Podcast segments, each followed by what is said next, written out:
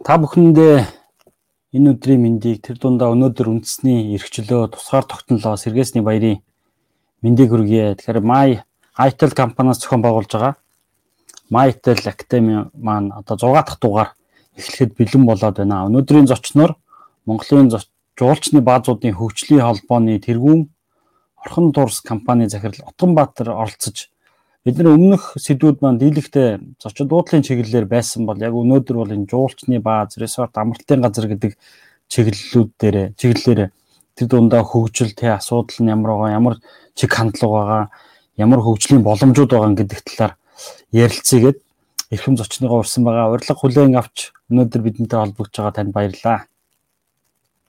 За, баярлалаа.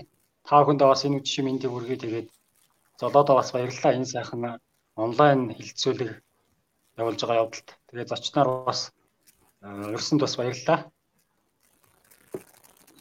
За. За хоёлаа холбооныхан үйл ажиллагааны чиглэлээр яриагаа эхлэе гэж бодож байна. Монголын жуулчны баазуудын хөгжлийн холбоо маань хэдэн онд байгуулагдсан бэ? Одоо гишүүнчлэл ямар байгаа вэ? За холбоо маань үндсэндээ 2018 онд байгуулагдсан. Тэгээ бид нар бол одоогоор яг гишүүнчил мишүүнчил гэдэг яг хийгдээгүй байгаа. Яг хөө тэрний шалтгаан нь гэвэл үндсэндээ эхлээд сургалт судалгаа ажлуудаа нилээд хийж иж тэгжээж ирнэ хүмүүст аль биесээр одоо холбоонд илсэхтэй амархан байдлаар ажиллах талаараа ерөнхийдөө ажлын төлөвлөгөө танилцуулъя гэсэн бодолтой байж байгаа. Ер нь бол яг эхний ээлжний ажил маань судалгааны л ажлууд байна да. Яг тэгэхээр өнөөдөр яг жуулчны баазуудын талаарх судалгаа бол бас ховор үйдэг. Ихэнх олцоо зочид за ингээд руу чиглэсэн үйлчлэг их байдаг учраас яг энэ чиглэлээ бас барьж яв гэж бодож байгаа. Ерөнхийдөө яг жуулчны баазуудын холбоо гэж бол хуучин бол нэлээд дээр байгуулагдсан байсан юм байлээ. Тэр маань үндсэндээ бол одоо үйл ажиллагааны хэсэг явуулж байгаа тэрнээс хойш үйл ажиллагаа явуулахгүй зогсог байдал орсон. Тэгээ Монголын аль жуулчны холбооны жуулчны баазуудын зөвлөл гэж байсан. Одоо ч гэсэн ерөнхийдөө үйл ажиллагаа явуулаад явж байгаа. Тэр зөвлөд бол би өөрөө бас аа харьяалагдаад явж исэн байгаа. Тэгээ анх удаага Монголын жуулчны баазуудын чуулган гэдгийг 2018 онд хийгээд Монголын айлж үйлчлэгийн холбоотой дэргэд одоо ивэлд өгсөн л да. Тэгээд хамтраа яамтайгаа хамтраад ингээ хийсэн байгаа. Тэгээд энэ маань нэлээд үр дүнтэй болсон. Тэгээд энэ хуралд маань бол тусгай хамгаалалтаа газар за яам за дээрэс мэрэгжлийн ханалт за Азийн хөгжлийн банк тэгээд ерөнхийдөө зөрчлийн баазууд зориулсан бүтээгдэхүүн үйлчлэхээс санал болгодог компаниуд бас нэлээд идэвхтэй хамрагдаж оролцсон байгаа. Давхарсан тоогоор бараг 150-ад 150-ад хүмүүс сугалсан. Тэгээд ер нь тэр чуулганаас гарч байхад бол жуулчны баазуудын талаарх одоо асуудлууд те хөгжил за дээрээс нь одоо энэ хөдөлмөрж байгаа асуудлыг шийдвэрлэе, төр зэсгтаа хүргэе гэсэн маш их тийм хүсэлт байдгийг бол тэр олж харчихсан байгаа. Тэгээд ерөнхийдөө яг Монголын аль жуулчлалын холбооны дэргэдэгч жуулчны баазын зөвлөлд маань бол ерөнхийдөө явж байгаа. Хажуугаар нь би ерөнхийдөө бас холбоо байвал зүгээр юм болов гэж бас бодоод байгаа юм л та. Ер нь нэгэд үйл ажиллагаа явуулж байгаа бусад одоо санхүү болон хөрөнгө мөнгөний асуудал дээр бол ерөнхийдөө жуулчны баазууд маань нэг бодлын жоохон орхигдоод байгаа юм шиг санагдаг. Жишээ нь хин жижиг дунд үйлдвэрлэхэд манай жуулчны баазууд аялал жуулчлалууд дөнгөж сая 2020 онд л анх удаага аялал жуулчлал гэдэг үгийг нэм нэмж оруулж өглөө шүү дээ. Тэс өмнө нь бол одоо бид нэр аялал жуулчлал зориулсан зээл гэж байхгүй байлаа За яамнаас ноон зээл гэдэг анх удаа бас одоо энэ жуулчны баазуудад тэмцсэн юмнууд явуулж байгаа. Энэ маань үндсэндээ бас нөгөө жуулчны баазуудыг бас анхаарж байгаа, аялал жуулчлалыг анхаарж байгаа бас нэг хэлбэр бас нэлээд нэмэгдэж байгаа нь бас их болцох хуурштай тал байна л да. Тэгээ энэ дээр үндэслээд бас нэг жуулчны баазуудынхаа эрх ашиг хамгаалаа, за тэр хөгжилт нь ерөөхдөө туслахыг барья гэдэг үгнээс л бид нар хэсэг залуучууд одоо нийлээд энэ холбоог байгуулсан байгаа. Энэ холбоонд бол Аранга, Өвөр хангаа За Улаанбаатар говьд э, одоо яг хамгийн их аялал жуулчлал зорчдог тэр хэсгүүдэд ажилдаг андаа жуулчны баазтай хүмүүс одоо энэ холбоо байгуулсан байна. Аа. Олоолаа бахан тий. Хэдүүлээ хамтсан байвал одоо Одоондоо бол нэг 5-6 залуучууд ерөөхдөө хамтраад энэ холбоо үүсгэн байгуулаа явж байгаа. Тэгээ бид нар бол үндсэндээ яг гişүнчил ихээсээ илүү эхлээд судалгааны хаажуудаа нэлээд сайн болгоод ажлаа нэлээд одоо юу гэдэг бусад хүмүүст нэг хийсэн юмтай харуулах болсон үедээ л ерөөхдөө манай аль биесны холбоо байгуулалтаа тав гişүнчлэр хэлсэн манай одоо энэ хамтарч ажиллана гэдэг тийм одоо статус руу орё гэсэн л тийм бодолтой байна л та ерөөхдөө. Тэрээс маш олон төрлийн бас холбоонууд байна. Тэднээс одоо арай арай онцлогтой арай өөр маягаар ажиллая гэсэн л тийм бодолтой яваад байгаа юм. Тэгээд эннийхээ дагуу л үндсэндээ одоо анх удаа баг танаа энэ юу май хотел гэдэг энэ юугаар л олон нийтэд хүрч явах шиг байна. Тэрээс өмнө нь бол манай холбоог байгуулахдаа 2 жил болж байгаа. Мэдхгүй хүмүүс бас нэлийн олон байдаг. Ер нь бол тий. Холбоо байгаа байхгүй тийм ээ. Бид нэр яг л нэг юм нэгдэл болоод тий за тэр нь холбооч бай, сайн дураарч бай нэгдэл болоод хамтарсан энэ эрх ашиг сонирхлоо нийгэм бус хүмүүс төр хүрэж явах ийм хэрэгцээ шаардлага бол байгаад. Тэгээ бид нар нөгөө талдаа өөрсдөө хамтраад зөвхөндөө болоо хүрэхээс гадна өөрсдөө биенээсээ маш их зүйлүүдийг сурч яадаг, мэдж яадаг тий. Өөрөө Монгол улсын аялал жуулчлалын аялал жуулчлал маань экспортын оролцоогоор 10 орчим хувь байдаг. 10 11 10% бүрдүүлэгч гэдэг бас тийм тийм жижиг зүйл бол биш нэгдүгээр. Хоёрдугаарт Монголын аялал жуулчдын салбар жил болго өсөлтөө явж байгаа. Тэгэхээр урт хугацаанд одоо энэ Монгол орны ирээдүйтэй холбоотой хэдийн хэмжээний мөнгө эргэлтэхүү гэдэгтэй холбоотой солонгоруулахтай холбоотой салбар учраас бас нэлээд өндөр ач холбогдол өгөх болоо гэж хараад байна шүү дээ. Зүгээр Монголын аялал жуулчдын холбоо бол бас үйл ажиллагаа сайн явуулж байгаа. А зочдлуудын холбоо бас байдаг. Зочдлуудын холбоо зочдлуудаа төлөөлөд бас уулзалт юмнууд дээр оролцоо явуулдаг. Одоо энэ жуулчны баазууд амралтын газруудаа нэгтгсэн газар байвал бас дуу хоолойгоо хүргээд хамтарсан эрх шиг хамгаалаа тий. Саяхан бид нэг сарын өмнөдөө зочдууд амралтын газар жуулчны баазуудыг нэгдэл гэж байгуулад 300 гаруй хүмүүс орчихсон мэдээ солилцоо явж сарамсалтай нь дахин хөл өрөө гарсантай холбоотой бид нар бол үйл ажиллагааг эрт эхлүүлэх тухай яригдчихсэн тий. Дахин хөл өрөө гарсантай холбоотойгоор бол одоо бүх үйл ажиллагаа хаагдц үед бол бас бодлыг нэгээч эхлүүлээд ажиллахгүй. Тэгэхээр бид нар бас энэ дуу хоолойгоо хүргэж явах нь бас зүйтэй юм байгаад. Тэгэхээр энэ ажил дээр бас манлайлаад оролцож байгаа юуны өмнө талархал илэрхийлье. За хоёрдугаар Орхон Турс гэдэг компани захиралтай. Орхон Турс маань яг аялал жуулчлалын бүтэн үйл ажиллагаа явуулдаг. Би Орхон Турсын тухай товчхон вебсайтын за та ярьж би тань дээр вебсайтын хүмүүс тэр үеэр нь бас танилцуулаад явъя гэж бодоод байна.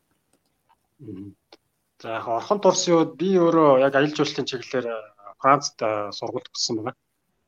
Тэгээд тэнд сурж явах хугацаанд Acting for Life гэдэг олон улсын төслийн байгууллага байдаг. Тэнд одоо нэг 2 жил хэрэг тавс ажилласан байгаа. Тэгээ энэ шугамаараа бас нэг аялал жуулчлалтаа одоо энэ төслийн маань зорилго нь бол доктортой аялал жуулчлалт ерөөсөө зориулсан ийм төслийн байгаа юм л та. Тэгээд хөгжиж буй орнууд чиглэсэн Бангладеш одоо Африк тэ ихэд хөгжингүү орнуудын аялал жуулчлалыг одоо хөгжүүлэх зориулсан ийм төслийн байгууллага. Тэгээ энэний шугамаар орхны хөндийд одоо хогны төсөл анх хэрэгжүүлэх саналыг одоо манай тэр төслийн байгууллагатай тавиад тэгээд энэ маань амжилттай хэрэгжсэн байгаа. Ихэд бол охны өмдөд бид нэг 40 гаруй хогны сав за дээрэс нь тэгээд сургалт судалгааны ажлууд зохион байгуулсан. Тэгээ өөрөө бас аялал жуулчлалын мэрэгчлэр төгссөнтэй холбогдуулаад нэг ийм эко камп маягийн баазыг одоо сонгож аваад ихэд ажиллаулаа гэж зорьсон байгаа. Манай баазын хувьд ерөөхдөө эко чиглэлээр ерөөхдөө явж байгаа тог болон сэргийлэгч хүчээр бүх тогныхоо асуудлыг шийдэж байгаа. Дээрэс нь халуун ус дүүш болон бас тогны асуудлаа шийддэг. Одоо дээрэс нь жил болгон бид нар нэг сайн дурын ажилчдыг бас гаднаас хүлээж авдаг. Энэ маань Walkaway гэдэг вебсайт байдаг юм. Энэ сайтн дээр одоо ерөөхдөө тавиад өөртөө паблик маягаар тавиад тэгээд тэндээс ирж байгаа гадны жуулчтай бол үндсэндээ энэ төслийн ажилдаа хамруулах. За тэр авийн хогны хог түүх, за хогтой холбогдолтой үгийн савнуудыг хэрхэн зохион байгуулахаа сургалт судалгаа хэрхэн зохион байгуулах. За дээрэс нь эко камп гэж одоо ямар хөө байх хэвээр гэдэг илэрч жишээ эко банк камп болгохын төлөө зорж ажиллаж байгаа. Үндсэндээ жуулчны баазын ажил бол би бол өмнө нь нөгөө зөвхөн гайдер явдаг байсан учраас гайд тур оператор маягаар ажиллаж ажиллаж одоо явж исэн. А жуулчны баазтай бол одоо холбогдоод сүүлийн 5 жил болж байна. Одоо л үндсэндээ нэг жуулчны баазын ажлыг ерөөхдөө ойлгож гин гэж хэлж болно л да. Ер нь бол маш их одоо туршлага судалгаа тий. Аа. Шаарц ажилтаа юм дээ. Тэгээ үйлчлэгээс салбар учраас өөрөө маш их онцлогтой. Тэгээ ялангуяа гадны үйлчлэл үйлчлэлт үйлчлдэг гэдэг утгаар бас нэлээд онцлогтой салбар юм. Нэлээд зочид буудал гест хаус гэдээ байгаа. Тэрнээс нэг онцлог салбар нь бол үндсэндээ хөдөө орон нутаг жоох хурцлагдсан газар дид үтс багтаа газар үйл ажиллагаа онцлогтой л байна. Аа. Тэгээ манай энэ хогны төсөл маань үндсэндээ бас ингээ хөгжлөө явж байгаа. Бид нар жил болгон сайн дур ажилчдыг аваад за дээрэс нь тухайн орон нутгатайгаа хамтраад ивент арга хэмжээндээ оролцох. Аа тэгээд одоо ерөнхийдөө бол цааш цааш бас энэ төслөө нэлээд өргөжүүлэх гэсэн бодолтойгоор ерөнхийдөө зорилттойгоор ажиллаад явж байгаа. Тэгээ яг хоо Монголын жуулчны баазуудын холбоо гэдгийг байгуулах болсон шалтгаанууд үндсэндээ бас энэ салбарт бас 4 5 жил ажилласан. За дээрэс нь маш олон одоо жуулчны баазуудыг олон жил ажиллуулсан хүмүүстэй ажиллаад тэднээс нэлээд туршлага хоригдлуулсан гэж өөрөө ойлгоод энэ ерөөхдөө энэ салбарт ажиллаад байж байгаа. Тэгээ манай холбоонд маань бас олон жил бас жуулчны бааз ажиллаж байгаа залуучууд бас ингэ явж байгаа. Ер нь бол Ахмад үе, Дунд үе, залуучууд гэсэн гурван төлөөлөлтөд үндсэнд ингээд аваад явж байгаа бас нөлөөтэй юм байна л да. Тэгээд бусад одоо Монголын аялал жуулчлалын холбоо, сэтгүүлийн холбоотой бол цаашдаа хамтраад төсөл хөтөлбөр хэрэгжүүлэх ерөнхийдөө энэ аялал жуулчлал гэдгийг гэдэг энэ салбарлогоо нэлээд эрчимтэй тийм ээ? Оролцсон гэсэн бодлоор ерөнхийдөө бас хүчээ сорийн жуулчны баазуудаа хаяг ашиг хамгаалалтыг хөгжүүлэх тал дээр нь бас өөрийн хувь нэмийг оруулах гэдэг ерөнхийдөө холбоо байгаад Аа Мэдээж аялал жуулчлалын холбоо бол Монголын аялал жуулчлалын холбоо бол одоо энэ аялал жуулчлалыг бол сүүлийн 20 30 жил аваад явж байгаа маш том холбоо. Тэгээд эндээс суралцах юм байна, хамтарч ажиллах юм байна. За ихэнтэй юм байна тийм өөр миний хувьд бол. Би бас нэг зүйл сонирн байдгийг одоо манайх бол ингээд ядэн ш. Жуулчны бааз гэдэг нэг юм нэршил байгаад ядэн ш. Би гадагшаа өдрөө явахаар яг юм tourist camp гэдэг юм уу ийм хэллэг байхгүй харагдаад төх. Тэгээ манайхан одоо tourist camp гэдэг орчуулад явцдаг. Энэ юу н одоо accommodation төрлүүдээр ч гэсэндээ хотел, мотел, юу гэдэг resort те bed and breakfast гэдэг төрлүүд байгаа гэдэг. Яг энэ төрлийг ингээд манайх хуучин одоо юу гэдэг хөгжлөө явцад өөртөө ингээд нэршлээ тэрийг орчуулад ингээ гаргаад ирсэн зүйл үү эсвэл бас өөр газрууд дээр ийм жуулчны бааз гэдэг зүйл байгаад байна уу? Би бол жуулчны бааз гэдэг уг нь бааз гэдэг үгийг бас бодоод үзэхээр нэг Оросоос гаралтай юм шиг бас нэг тийм бодоо явчихж байгаа байхгүй. Би бас ойлгоод бас жуулчны бааз гэхээр одоо бусдаасаа юугаар ялгаатай эко дууд одоо тийм мотел гест хаус гэдэг яваад. Тэгэхээр миний ойлгосноор бол үндсэндээ бол гэр бааз гэдэг дээр л ерөөхдөө сойрж үссэн байдаг гэж би байна. Яа тэгэхээр нөгөө бусад орнууд ч бол гэр камп гэдэг ойлголт байдгүй шүү дээ тий. А би энэ дээрээс үнслээл гэр камп би бол ер нь бол гэр камп гэдэг утгаар л ерөөхдөө ойлгож явж байгаа. А яг жуулчны бааз гэхэр бол яг өөрөө чи хэлснээр одоо юу гэдэг юм booking.com ч юм уу одоо тий Airbnb дээр ингээд тавих гэхээр олддоггүй байхгүй яг тэр үг нь. А тэгээ сүүлийн үед бол яг home home tego өдөр дээр бол юу гарцсан бэлээ. Юурт гэдэг нэг тийм үг гарцсан бэлээ. Юурт гэдэг үг шинээр ороод ирсэн бэлээ. Тэгэхээр бол үндсэндээ одоо Казахстан, Туркестан, Тажикстан эдэрт бол юурт камп гэж байгаа. А тэгэхээр энэ дээр үндэслээд жуулчны бааз гэдэг юм орж ирсэн болов уу гэж би бас ойлгоод байгаа байхгүй.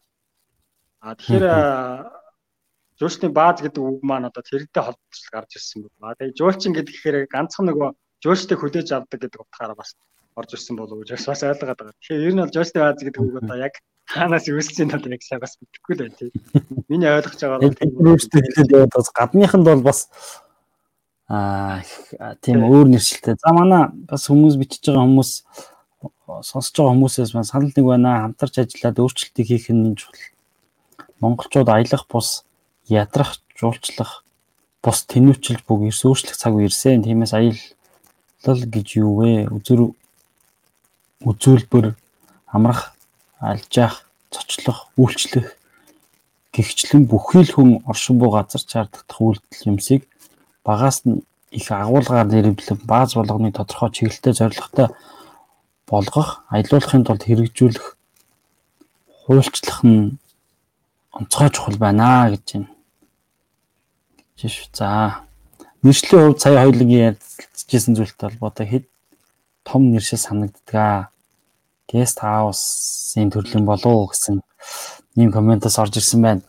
Тэгээ энэ одоо ингээд би яг booking авчангууд hotel, guest house, apartment, bed and breakfast, lodge, luxury tent энэ бас зүйлд яваад байгаа homestay, resort, villa гэдэг эднэрийг ингээд хайгааддаг. Яг ингээд гадны хүнд tourist camp гэдэг ийм зүйл байгаа гэдээ ярихад бас тийм өөр шин зүйл сонсогддог байлгүй. Би бас тэгж бодоо. Энэ зөвшөөрлийн хувьд амралтын газар жуулчны бааз гэдэг хоёр зүйл тусдаа байгаад яг жуулчны бааз нь бол жуулчин авч болно. Амралтын газар бол болохгүй гэсэн зүйл бас байхгүй юм шиг байгаа тий. Байхгүй байхгүй. Ерөнхийдөө бид нар нөгөө анх жуулчны баазуудын чуулганыг бас хийж яхад нөгөө ер нь бол нэршил тал дээр бас нэлээд бодмоор юм шиг байна. Одоо жуулчны бааз гэхээр зарим зүгээр нэг хитэн гэр юм шиг байна.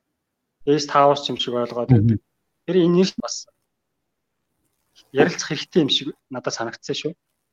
А тэгээ яг хуу жуулчны баазуудын нэг онцлог нь бол ерөнхийдөө яг хуу амралтын газар ч гэсэндээ жуулчдууд авч явуулдаг. Гэхдээ гадны жуулчдод одоо амралтын газар авахд одоо бас нэг шаардлагууд байна л да. Жишээлбэл амралтын газар бол одоо үндсэндээ яг дотоод жуулчдаа зориулсан за за манайд бол амралтын газар ихэнх болцоо одоо гэр бүлийн хүрээнд те олуулаа амрах. За дээрээс нь сувлил болон одоо ийм одоо жишээлбэл сувлил, аршаан сувлил маягаар ийм нэлээд хөгжсөн байдаг байхгүй амралтын газар бол.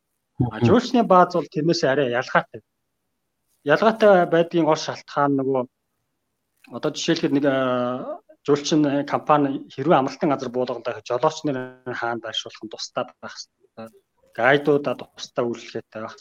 Өглөөний цайн яг нөгөө гадных нь зориулж байх хэрэгтэй байхгүй. Монголчууд ч одоо шууд өглөөний цайн дээр мантаа өгөөд ч юм уу зүгээр нэг талах өгөөд бол болохгүй шүү дээ. Амралтын газар бол тийм байдаг тий хамаагүй мант өглөөний цайн дээр бол ерөөхдөө бол махан хоол иддэг шүү дээ гадны тий яг хаа English breakfast гэдэг дээр яг хаа сосисгийн өндөг байж болдог.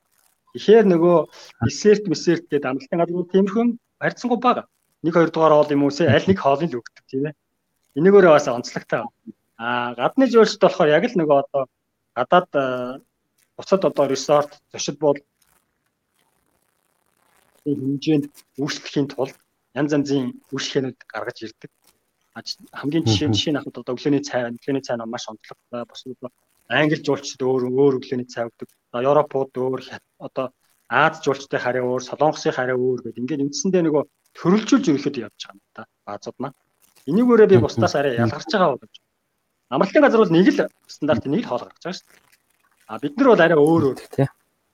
Тэгээд бас миний бас нэг ажилласан зүйлүүд одоо бид нар сая жуулчны баазуудын чуулганд бусад юмнуудыг хүмүүсийг ярьж яхад одоо ялангуяа төр оператор компаниудын одоо шаардж байгаа зүйл бол нэг баазын одоо хоолныхоо нэршлүүдийг бүгд одоо нэг бие биентэйгээ тохирчмоор юм шиг. Одоо жишээлх тий. Говийн бааз одоо өчигдрээ буусан бааз маань Монгол хоол гэд бууз өгсөн байж идэг. Манай бааз дээрээс ч адилхан бууз өгөхөөр бас сонирн болчдөг тий. Тэгэхээр энэ дээрээ бас ингээд хоолных нь арай өөр өөр хоол. Аа. Зарим Аа цоол ч юм уу тиймэрхүү маягаар ингээд төрөлжүүлээд бие биентэйгээ жоохон уялдаа холбоотой байвал бас их зүгээр юм болов гэж харагддаг л та надад. Энийг бид нар бас энэ жуулчны баазуудын холбоогоор дамжуулаад бас хий гэсэн бодолтой байгаад байгаа. Тэгээд хоорондоо нөгөө туршлагаа маш их солилцдог тийм ээ. Говийн баазынхан одоо хангаа руу очиж үздэг, хангайхан говьд очиод үзээд ямар хуу бааз яаж яаж ажиллаж байна те тэднээс одоо суралцах юм байна. Бие биентэйгээ туршлага солилцох юм байна. Иймэрхүү иймэрхүү арга хэмжээнүүдийг зохион байгуулдаг гэсэн бодолтой байгаа. Ер нь өмнөх өмнөхчлөд хийжсэн. Гэхдээ одоо нэг жоохон нэг хэсэг нэг жоохон тасарчаад байна л та. Тэгээ одоо энэ уламжилт байгаа ажлуудаа ерөөхдөө өргөжлүүлэх гэсэн бодолтой байгаа. Тэгэхээр үндсэндээ бас амралтын газар гэж хэлчихэд бас болохоор байгааз. Тэгэхээр жолны бааз гэдэг яриад арай. Яг би бас манай энэ нойтл гэдэг бидний хийж байгаа. Аа. Уцлаар яриаг нь тасалчлаа. Тэг яриа тий. Бид нэр бол нойтл гэдээ хийж байгаа энийг бас подкаст болоод гаргаад байгаа. Тэгээ подкаст дээр би зүгээр сүлд анзаараад байхад бас их харилцан ярианууд хүмүүсийн сонирхлыг татаад байгаа шиг. Би яг түрүүний ярьсан зүйлстэй холбоотойгоор гадны нэг жишээнүүд хэлэхэд нэгдүгээр ингээд ах шүү. Энэ resort хотел гэдэг зөвшөөрлийг нь олгоод а энэ гадны жуулч авч болно. Энэ бол болохгүй гэж ингэж ялгаад байдаг. Тэгэхээр ингээд очихоор зочдууд л ажиллаж байгаа мөртлөө уучлаараа манах би өмнө нэг бууж исэн буудал дээр нэг очлуудаа тэгсэн.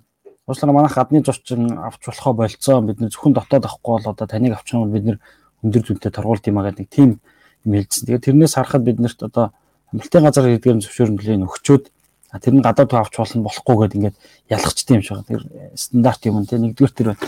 Хоёрдугаар сая яг хэлсэн а зарим жуулчны бааз нь Солонгос, зарим жуулчны бааз нь одоо Япон хүмүүс аваад өөр өөртөөх нь чиглэлээ те зориулсан хоол, үйлчилгээ, хил бэлтгэл юмнуудаа хангаад явчихна. Тэр бас их энэ Азийн орнууд төр өндөр хөгжсөн юм байли. Би Вьетнам, Камбож дээр бас энэ чиглэлээр ресортуудтай уулзаад явж байхад тэд нэр яг манайх бол зөвхөн юм солонгос хүн авдаг тий. Манайх эсвэл зөвхөн юм японочууд л авдаг. Япон чиглэлийн компанитай хамтарч ажиллаа. Японочууд авдаг гэдэг юм бас өөр өөр ялгарлууд бас нэлээ илүү бий болцсон юм билээ. Тэгэхээр яг энэ чинь нэг талдаа үйлчлэгнийх нөгөө талдаа бизнес юм чинь өөрөө бид нар бас нэг Майтлийн нэг дугаараа энэ зочид буудал амралтын газар жуулчны баазуудын бизнес тэр дундаа бусдаас ялгарах ялгарл гэдэг зүйлүүдийн тухай бас нэг ярилцъя гэж боддог. Одоо сая манай комментэр бичсэн хүн ч гэсэн хэлж те хүн өөрөө тэр газар унтах гэж очих биш. Хүн өөрөө тэр газар тодорхой цаг хугацаагаа ийм сонирхолтой, хөгжилтэй эсвэл ингээд байгалийн сайхныг мэдэрч юм ямар нэгэн тийм мэдрэмж авах гэж очиод байдаг. Түүнээс унтах орвол хаасаг байгаа гэхээр тэгэхээр энийг ариус арай өөрөөр хараад бид нар бас хамтраад хөгжүүлээ туршлага хуваалцах хэрэгцээ шаардлага байгаад байгаа харагддгийг шүү. Тэгээд ерхий наадахтаа чи би яг санал нийлж байна л та. Тэгээд нөгөө Төр операторууд маань ч гэсэн одоо баазуудтай харьцахтаа бас нэлээд одоо сүүлийн үед бас шалгууруудыг юмс нэлээд тавьдаг болж байна л та. За манайх солонгос жуулч авдаг, танах солонгосууд зориулсан хоол байгаа юу? За манайх Европ жуулч авдаг, цагаан олч ямар ямар нэртэй байгаа, ийм ийм онцлогтой жуулчд байгаа шиг урьдчилаад бидэрт нөгөө мэдгчдэг учраас бид нар бас тэрийг нөгөө эргээд нөгөө үйлчлэхэндээ бас тусгаад ингэ явдаг. А тэгээд жуулчны баазуудын бас нэг бусад амралтын газруудаас ялгах нэг онцлог нь бол нөгөө яг ийм attraction гэж ярьдаг те. Нөгөө жуулчдыг нөгөө сонирхлыг татах үйлчлэгээнүүдтэй их ойролцоо байдаг жишээ. Одоо жишээлбэл манайх бол нөгөө удаан цэцгэлэндээ байрладаг учраас хүрхээ үзэх за 8 нуур дөхөн хий тэгээ нөгөө яг ойролцоох нөгөө хүний сонирхлыг татдаг тэр газруудтайгаа ойр байрладаг бас ялгаатай. Хоёрдугаар тэгвэл нөгөө activity гэж ярьдаг янз янзын үйлчлэгээнүүд маш их байна. Зарим үе заваар явах, мориор явах, за мотоциклоор явдаг ч юм уу те. Иймэрхүү иймэрхүү өөрчлөлтөөнөд үзүүлдгээр бас жуулчны баазууд бусад юмнуудаас арай арай өөр юм болов уу гэж ойлгож байна. Тэгээд бас зарим баазууд бол ерөнхийдөө бас нөгөө тэр явдаа болдог фестивал, ивент арга хэмжээнүүдийг бие дааж өөртөө бас их зөвхөн. Одоо манайх жишээлбэл энэ сарлын баяр байна те. Энийг бол сүүлийн 4 5 жил бас сум нутгатайгаа хамтраад ерөнхийдөө зохион байгуулалт явж байгаа. Энэ маань бас нөгөө ойрхон хүмүүс байрлаад эндээ үзээд буцаад их боломжтойгоор бас онцлогтой байгаад байгаа шүү дээ тий. За тэгээд мэдээж хөрхөөнөөс яг нөгөө цутгалангаасаа 7 км зайтай оршдог учраас явган аялах. За дээрэс нь дугуур явах.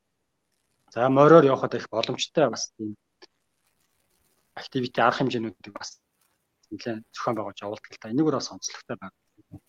Тэгээ хоёрдугаар тэгвэл мэдээж жуулчид зөвхөн хонох гэж ирэхгүй. Мэдээж хонжих хугацаанд бас ямар ямар үйлчлэгээнүүд аммаар байна те.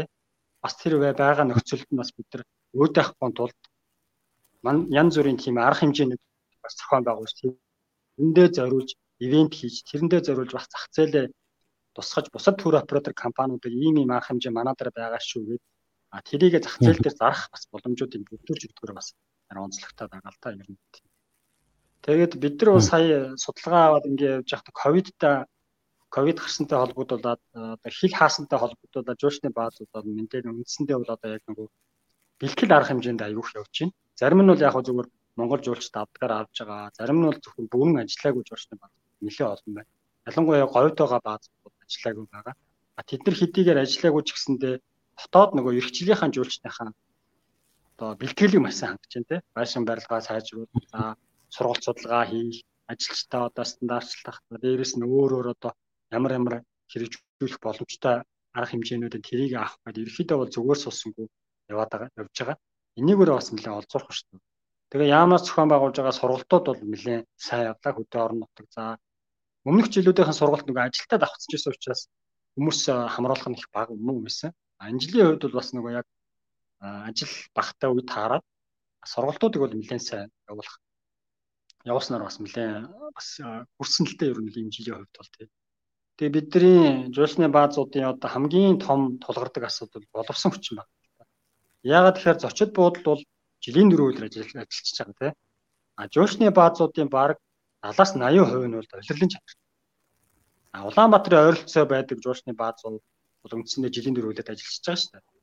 А алдагдмал байгаа жуулчны баазууд ихэнх нь одоо 4-5 сар. За хамгийн хай сезон бол одоо ачаалттай үе нь бол 7-8 сар байдаг байхгүй. Бусад үед хүн багтаа байдаг. Тэгээ орлого багтаа байдаг учраас байнга нөгөө ажилчтай салинжуулаад байх хэцүү. Тэгээ ингээд нэг сайн тоогооч ч юм уу нэг сайн одоо үйлчлэгч олоод авцсан байдаг. Нөгөө хүний маань үйл яах вэ гэдэг асуудал маш их хэцүү байдаг. Тэгээ ингээд удирдлагын чанартай ажилчид хийдэг учраас манай боловсон хүчний асуудал докторгүй байдаг. Маань бас их хэцүү л дээ. А яг бид нар бол яг хөдөө орон нутагт ажиллаж байгаа жуучны баазууд бол бид нар аль болох хөдөө орон нутгаас хүмүүсийг авах сонирхол бас өндөр байдаг л да. Тэндээс нь сургаж авах. За тийм ухаан сум орон нутагт ажиллаж байгаа хүмүүсээс ажилуулах сонирхол маш их байдаг. Гэхдээ энэ маань бас эргээд нөгөө үйлчлэгээний салбараас заавалчгүй мэрэгжлийн хүн байх шаардлагатай болдог тийм. Гооч нь мэрэгжлийн байх хэрэгтэй. За ядаж нөгөө бармай хүн одоо нэг ска одоо яаж вайн яаж хундаглахаас ахуулаад тийм. Тэр стандартыг бас өмнөд мэдсэн бас яг нөгөө мэрэгжлийн хүмүүс шаарддаг учраас энэ маань бас нэлээд одоо бас бидний толгомдсон бас нэг том асуудал байгаад байгаа юм л та. Одоо энийг хэрдүүлээ хэрхэн яаж шийдэх вэ? Яаж одоо энэ боловсон хүчнээ авч үлдэх вэ гэдэг асуудал бидний одоо Хэвээ нэг шүдний өвчин гэдэг шиг асуудал байна л да. Ер нь бол тийм. Ялангуяа одоо тоогоочгийн асуудал маш хэцүү тий. Сайн тоогооч бол маш хэцүү авч ажиллах тийм. Аа. Энэ бас яг саяны ярьсан нөгөө жилийн дөрөв улиралтай холбоотой гой санал орж ирж байна л да. Аа бидний дөрөв улирал байгаа бүх боломж байгаа. Финлянд цаа буухта, чарахта, Санта Клаусыг үзэх аялал тэмүүлдэгэ. Манад бас байна. Хөвсгөл нуураар цаа буухтай чарахтай аялал олныг татах нь мэдээжээ гэх. Тэгэхээр бид нэр энэ жуулчны баазууд тий баазууд маань үйл ажиллагаагаа дөрвөн үлрэл явуулах юм боломж хэр байд юм бол би зүгээр сая анзаарч байхад манай дээр 10 11-р сард цэнхрийн халуун аршаан руу явах захиалгууд орж ирсэн баггүй. Тэгээ яг үндэ тэнцээ үйл ажиллагаа явуулж байгаа. Тэгээ халуун аршаантай газрууд нь бол тухайд 10 сарын дундуур санжийн үйл ажиллагаагаа зогсоогоод хаачиж исэн. А тэгэхээр манай дээр ирж исэн хүн бол бүр ингээд 7 хоногоор нь дөрвөн гэр бүлийн ч гэдэг юм уу. Тэгэхээр бид нэр одоо ингээд цаг хугацаа явах тусам Монгол хүнч төр гадаад хүнч төр ер нь аялал бол зүгээр нэг юм амралтаараа хийдэг зүйл биш. Аялал бол ер нь өдөр тутмын зүйл болох гээд байгаа санагдаад байгаа байхгүй. Тэгээд орлогын хувьд ч гэсэндээ одоо ер нь тэгэхээр улам дайггүй боломжийн болоод байгаа тийм. Тэгэхээр бид нар энийгээ дагаад аялал жуулчлаа дөрвөн үлрэл болох боломж байд юм бол тэр дундаа энэ жуулчны баазууд маань хэрвээ дөрвөн үйлрэл болох юм бол өөрсдийн зүгээс ямар бэлтгэлийг хангах юм За ерөнхийдөө нөгөө хамгийн гол асуудал маань өвлөл манах нөгөө ялангуяа хөдөө орон нутгад өрчөөс дид үтсийн асуудал байгаа. Хоёрдугаар нөгөө дүүш нойлын асуудал байна л да. Мэдээж гаднаас ирж байгаа жуулч ядаж нэг удаа нэг халуун усанд орчих те боловсон нойлд үйлчлүүлж бас ийм сонирхол байдаг учраас энэ маань эргээд нөгөө хөдөө орон нутагт ажиллаж байгаа хүмүүс маш хүндрэлтэй байдаг л та. А тэрнээс л яг ерөөхдөө бол гэр мөрөө сайхан дулаалаад юм уу доторх одоо ор морноо байрлуулад халаалт малаалтын асуудал биш ингээд ингээд явах боломжтой гэж би хардаг. А ресторана одоо юу гэдэг нэг гэрээ ч юм ресторан маягаар мэдээж өвлийн загтуул их олон жуулч ирэхгүй шүү дээ зуныхаа бодвол. Тэр харьцангуй цөөхөн ирдэг учраас сэдвэр зориулаад бас ингээд үйлчлэхэнүүд их боломжтой. Хамгийн гол юм маань ерөөхдөө л одоо халуун усны асуудал байгаа юм л та. Халуун үүдийн асуудал. Тэгээд байнгын нөгөө хөнгүү байгаа асуудал бас хэцүү байна л да. Одоо байнга одоо юу гэдгийг зөвхөн өвлийн уйлал гэж одоо зөвхөн ивент дарах хэмжээнд зориулж хүмүүс очихол сонирхол ихтэй байхаас ш өдөр болгон очиад тах нь харьцан бага баг. Тэр нөгөө боловсон хүчний асуудал бас л эргээл яригд нөгөө хүнээ цалинжуулна, байршуулна, тэ хоол унд бүх юм ингээл яригдаад эхэлж байгаа. А 100 ажиллаад байгаагийн гол шалтгаан бол төр оператор компаниуд нь гэрээтэй учраас бид нар бол хийх ажлаа тодорхой мэдчихээн. За одоо өнөөдөр 20 жуулч ирэх юм байна. Тим тим хоол бэлдэх юм байна. Бид нар бэлэн нөгөө бүх юмнууд нь байгаад байдаг. А яг үнэхээр дөрвөн улирлын аялал жуулчлал хөгжүүлээд төр операторууд адилхан ингээд жуулч даваад эхлэх юм бол бид нар тусаас бас ажиллаач ээ гэж санал тавих юм бол. Гэхдээ өнөөдөр өсгөл дээр бас ажиллаж байгаа дөрвөн улирлын чанартай ажиллаж байгаа баазууд биш тойлогт байна. Тойлогт бол ерөнхийдөө жилийн дөрвөлөд ажилладаг баазууд байгаа. А Улаанбаатарын ойролцоо бас баазууд байна. За манай цолголонгийн тийш ч гэсэн одоо өвлийн үйлрэлд ажиллаж байгаа яг ингээд 0 дүүш нь ажиллахгүй ч гэсэндээ гэрүүд нь барьцсан. Тэгээ хүн ирэхээр одоо ингээд галж өгөөд хүмүүс байрлах тийм үйлчлэгүүд байна. Гэхдээ тэдний маань ганц онцлог нь яг нөгөө зуных шиг тийм бүрэн хэмжээгээр ажиллаж чадахгүй байгаа юм да.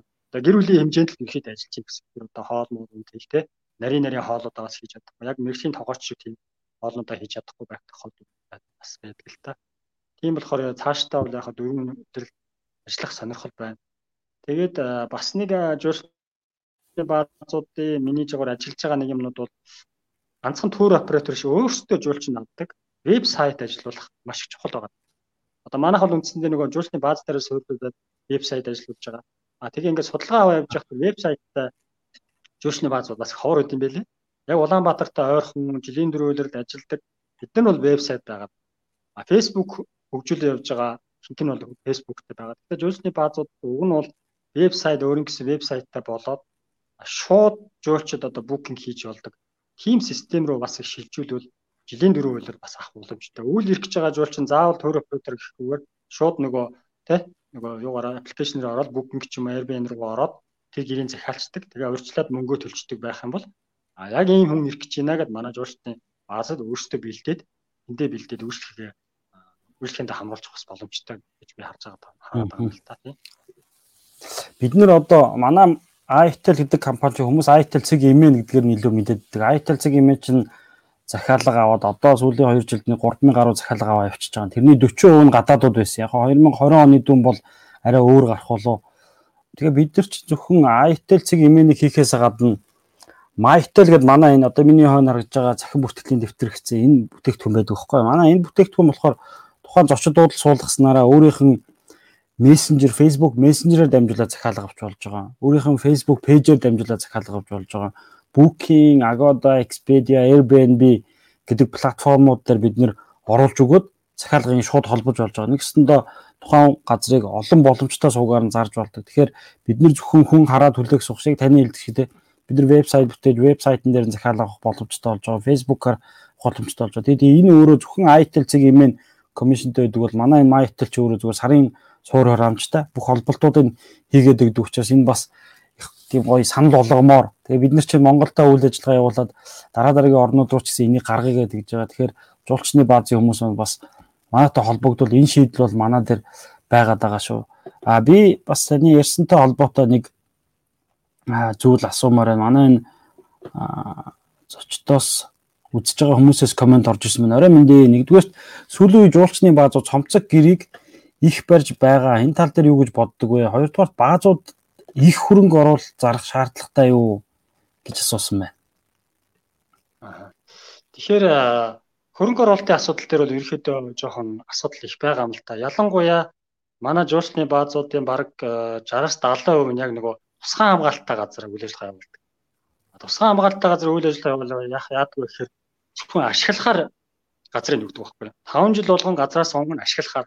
Тэгэхээр хуулинд нь болохоор тусгай хамгаалтын хуулинд болохоор тухайн ашиглаж байгаа газрыг бол зарж болохгүй, төрөөсөлж болохгүй, барьцааж болохгүй гэдэг нэг юм заалттай. Тэр үндсэндээ бид нар нөгөө хөрөнгө оруулалт хийгээд баазаа томруулъя, одоо том том байшин барья, одоо цомцог гэрэг төрүн асуултан дээр гарч ах шиг барья гэхээр мэдээж их хөрөнгө шаардлагатай. Тэгээд ингээ банкн дээр очиж зээл авах гэхээр ууштаараа танах ингээд нөгөө газар ашиглахгаар ингээд зөвшөөрөл хэцэнт чинь байд юм байна. Тэгэхээр бид нар одоо хуулинд болохоор газар ашиглаж байгаа газар хизээч одоо улс нь буцаагаад нэг газар авчих учраас таны дээр байгаа барьсан объектыг бид нар үл хөдлөх хөрөнгө гэж авч хэлцэхгүй. Арцент авахгүй гэдэг асуудал. Энэ маань эргээд бид нар маш их хэмжээний мөнгө зараад 2 300 сая төгрөг зараад тэнд юм барьцсан байж байгаа. Ингээ үнгүүдүүлэх асуудал байна. А эргээд нөгөөдхөө сайжруулмаар 10 цомцог гэр барьмаар байдаг. За ресторана томруулчмаар байдаг. Гэтэл банк санхүүгийн байгууллагууд энийг хүлээн зөвшөөрөхгүй. Хоёрдугаар тэгвэл яам нэг тустай юм яриад тусгай хамгаалалт хоёр чинь тус тустай байдаг хуулиуд нь. Тэгэхээр энэ энэ төрийн энэ одоо энэ уялдаа холбоо айгүй жоохон таарах одоо тусгай хамгаалагч нь өөрөө ингэсэн тухай дөрөвтэй шүү дээ. Өөрийн гэсэн өөрөө хуультай тэрэндээ захируулж одоо бид нартай харьцаж дотор материалын систем гэсэн өөр байдаг. Тэгэхээр эннээсээ болоод одоо бид нар бол үндсэндээ бас зээл тусламж авах хөрөнгө оруулалт хийхэд маш хүндрэлтэй байна. Энийг одоо нэг шийдэж гарц гаргалгааг л одоо ерөөхдөө хийхин төлөө бид нар зорж ажилламаар байгаа. Одоо жуулчны баазууд нэгдээд одоо ерөөхдөө дуу хоолойгоо хүрэх хэрэгтэй байгаа. Ер нь бол яг хуу Монголын аль жуулчдын холбоо болон бусад төрийн бус байгууллагатай бид нар хамтарч энийг бол дуу хоолойгоо хүргэж байгаа. Гэхдээ л бас л нэг л сайн бас хүмүүс сайн ойлгож өгөхгүй байх байна. Яагаад тэгэхээр яг жуулчны бааз гэхээр л нэг хүмүүс нэгдэн гэр барьсан хүмүүс байгаад байдаг. Тэгээд үйл зөнгөөл ашиг олоод байдаг юм шиг ойлгохдаг боловч эн чинь дотроо маш их олон асуудал байна. Эрхцэн хувьд болон За бусад хууль эрхцэн хувьд бидэрт бас нэг юм хөрөнгө босгох боломжуудыг бас нээж өгөх шиг санагдсан шүү. Аа тэгээ сүүлийн үед яг цомцог гэрүүд яг ялангуяа говийн баазууд бол цомцог гэрүүд маш их барьж байна. А яг сүүлийн үеийн жуулчдын нэг хандлага бол бас өөрчлөгдөж байна л да. Дотроо нойлтой тий. А тэгээ бусад уламжлалт гэрээүүд арай том зайтай. Дотроо одоо бүх төрлийн үйлчлэлүүд байж гараа угаачдаг одоо тий.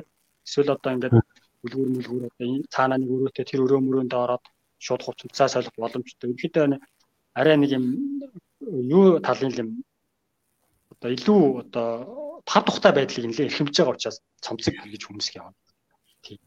Аа энгийн уламжлалт гэрүүдийг Гэхдээ миний энэ харж байгаагаар бол энэ маань үндсэндээ жуулчин жуулчнаас шалтгаалж байгаа. Европ жуулчд бол үндсэндээ нэг цомцог гэр мэр гэдгүй. Яг ингээл уламжлалт Монгол гэр одоо яг ойскигээр барьсан ингэж дорсон халтай. А Солонгос юм уу Азийн жуулч Аз хятад одоо бусад жуулчд одоо үндсэндээ бас цомцог гэр илүү санагддаг байхгүй. Ягаад гэвэл зарим нь одоо өмнөр танаг нь өнцгөө байж гэдэг юм. Эсвэл одоо энэ хэмжээ нь жижигхэн байна.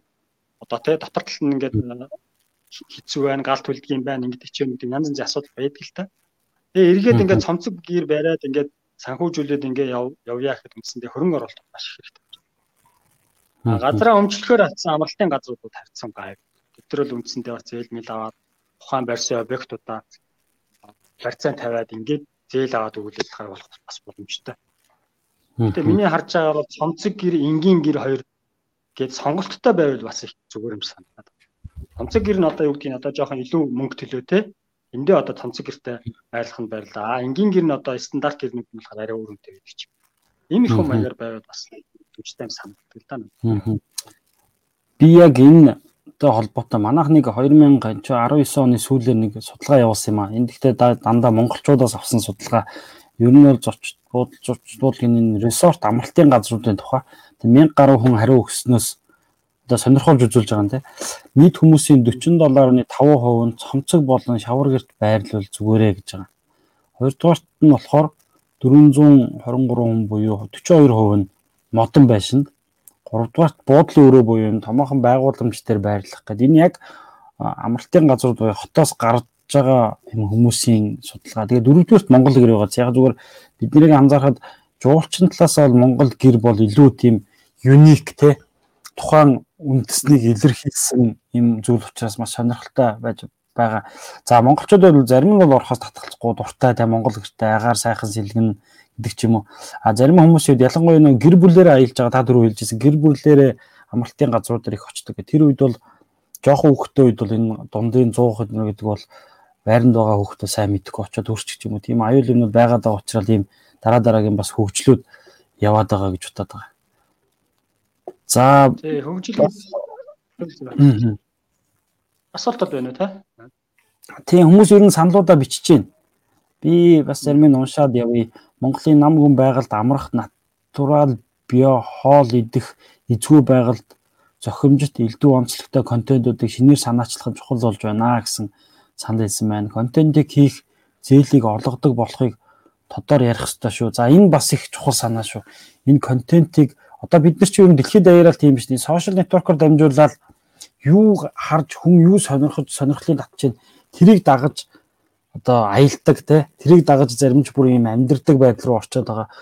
Тэгээ за өөрөөр хэлбэл оюуны бүтээлүүд зориулсан тусгай зээл байснаар хөгжинө гэж боддгоо. Барилга байгууламжид төлөвлөлт хөрөнгөд зориулсан зээлээс гадна аялал жуулчлалын гол цэнтцүүл бол үзүүлбэр ба контентууд шүү гэсэн ийм зүйлийг хэлсэн байна. Тэгэхээр бид нар би ч гэсэн сүүлд нэг бодоод байгаа бид нар л одоо энэ Орос, Хятад, Солонгос, Япон за тэгээд томоохон бас бүлэг нь энэ англи хэлтэй олон орнууд байгаад байгаа. Тэгэхээр бид нар уламжтай Монгол орны маш олон контентуудыг сонирхолтой контентуудыг энэ олон хэл дээр тавиад нэгтгээд татчих юм бол хүмүүс бас Манай байдлаар Google-ээр хайлт хийж байгаа юм уу да өөртөө сонирхолтой хадны зураг говь одоо юу гэдгийг тэмээ гэж судалж явж хагаад тэр дундаас Монгол орныг юм сонирх боломжтой санагдаад байгаа. Одоо түрүүний хоёлаа энийг эхлэхээс өмнө ярьжсэн TikTok гэдэг байна тий.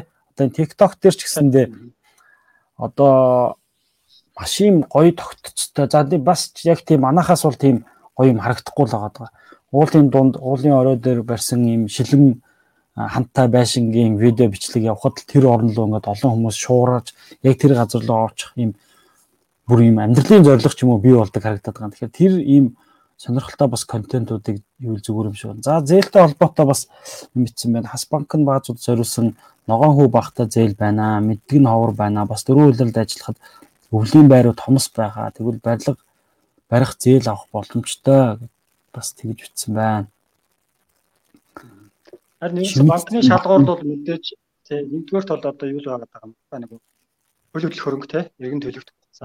Тэр би түрүүний ярьсан дээр л ерөөхдөө тусгай хамгаалалттай газар үйл ажиллагаа явуулж байгаа баазад бол жоохон бэрхшээлтэй. А тусгай хамгаалалттай газар биш одоо өмчлөхөөр авсан газруудад бас нээлттэй байдаг. А түрүүний ярьсан дээр хилээд контент гэдэгтээ бол би бол санал юм байна. А одоо бол сүүлийн үед бол яг контент бүтээдэг маш олон залуучууд гарч аппликейшн гарч ирж байна те. Энэ бол сайшаалтай. Тэгээд одоо жишээлхэд контент гэдэгтэйгээр холбогдолтой Facebook-д улаагчийн хар нуурын нэг хоёр бичлэг тавигдаад одоо нодлон оригинал бол улаагчийн хар нуур битүү байлаа шүү. Ерөөсөө тэндний хідэн залуучууд контент хийгээл тийм ээ дроноор бичлэг хийгээл доошоо. Тэм бод ч юм болго энэ одоо хаана байдаг газар гэл тэгэл тийш явчих зах жишээтэй тий. Гэхдээ одоо миний ойлгосноор бас аа сайлаа бэл тэгэхээр саваа бэл гэж одоо энэ зам бол тэр улагчийн харнуур үндсэндээ бол битүү хүн байлаа. Тэгээ нойлын асуудал хэцүү байлаа.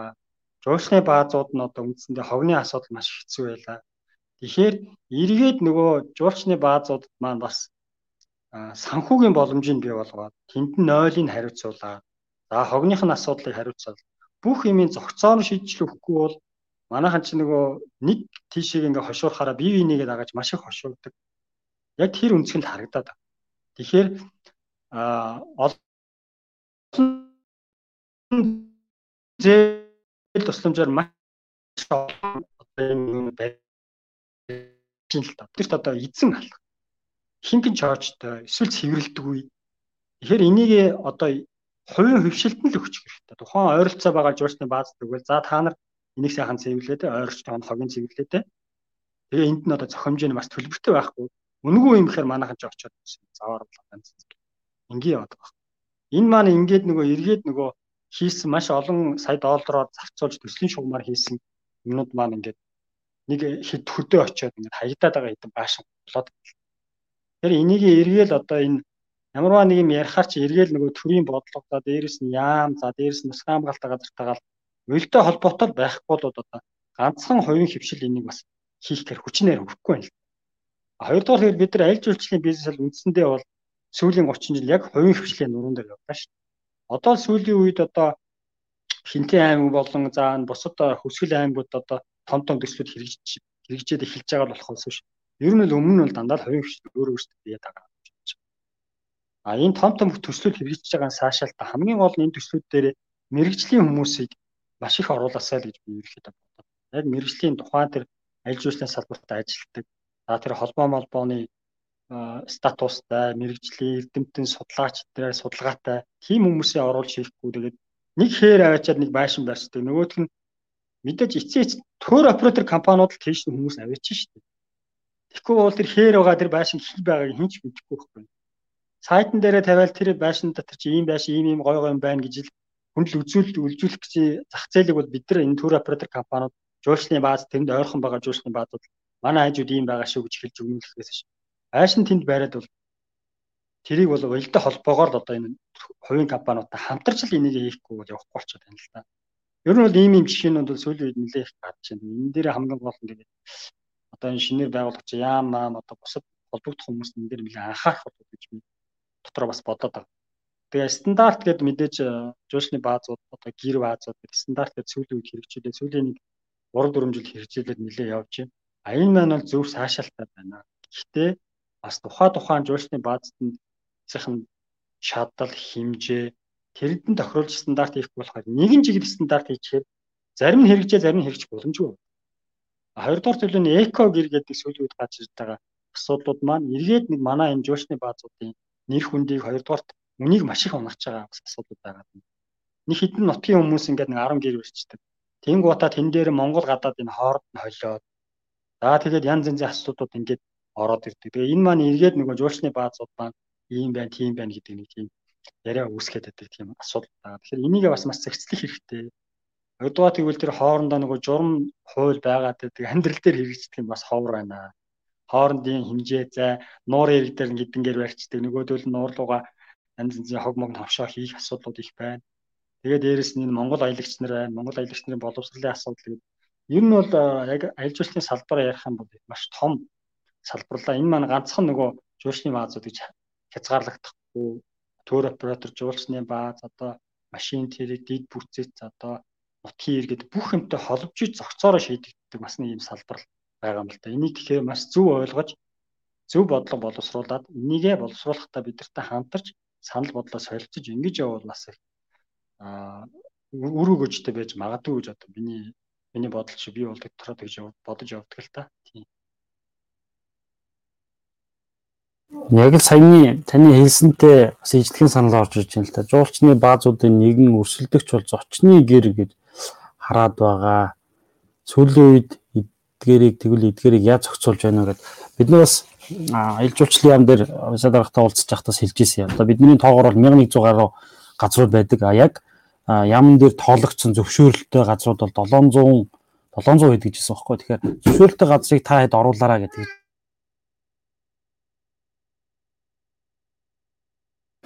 Тэгэхээр энэ тухай ер нь одоо зохицуултууд ер нь явж байгаа болов яаж байгаа бол За харин би түрүү нэг хэлсэнчлэн гэр гэр гэрийн стандарт, базын стандарт гэдэгтэй л үндсэндээ бол яг нэг зочны гэр буюу эко гэр гэж орж ирээд байгаа юм л та.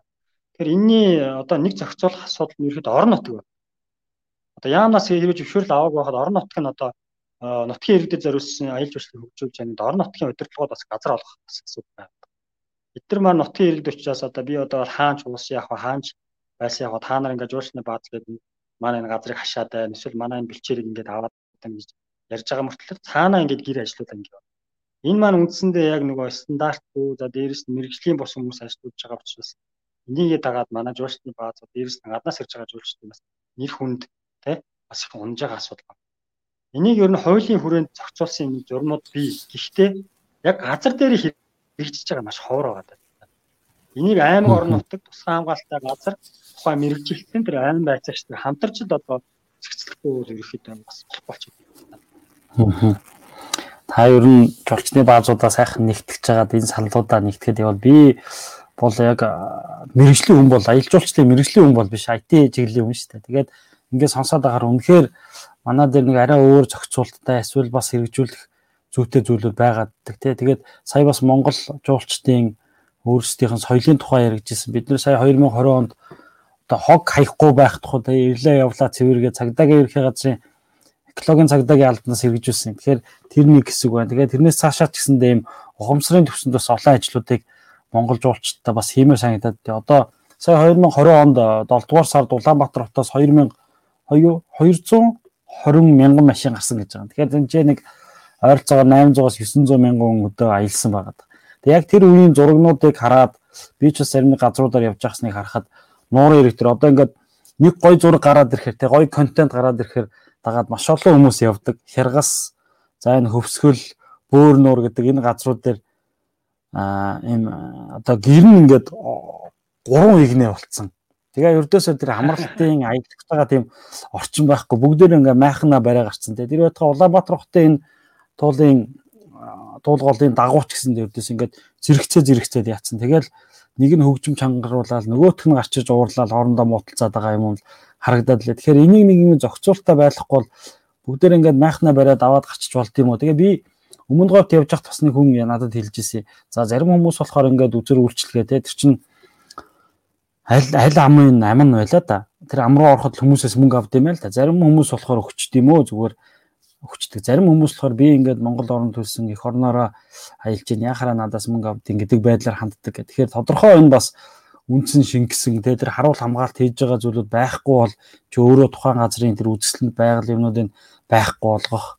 За тэр түүхийн гоё дурсгал зүйлүүдийг үгүй хийх иймэрхүү нөхцөлөд гараад энийг хайр хамгаалах хэрэгтэй. Нөгөө талдаа бас энэ аа Монгол жуучид өөрсдөө тодорхой зардал гаргаад тий одоо энэ Улаанбаатар хотоос нэг хуучин яригдвс Улаанбаатар хотоос бүх хүнсээ машиндаа чихэж аваад очиод майхантай нөгөө дээд жууж хагаад буцаад ирдэг. Бензиний Улаанбаатар хотоос хийгээд. Тэгэхээр энийг бас юм арай өөр болгож орон нутагт энэ аялал жуулчлалын орлого маань ингэж бодтойгоор хуваарлагддаг. Тэр дундаа энэ үйлчлэгээний салбарууд дээр те энэ ресторан, орон нутгийн хоолны газар, шатхуун түгээх станц, дэлгүүрч гэсэн одоо дэлгэх газруудаас байдаг болчихлоо шүү дээ.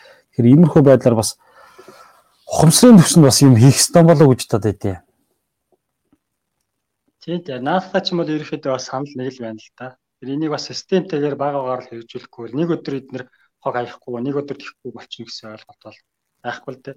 Тэгэхээр сүүлийн үед л үндсэндээ нөгөө ковид гарсантай холбогдлуулаад жуушны баазуудад жоохон төрөлжиж эхэлж байна.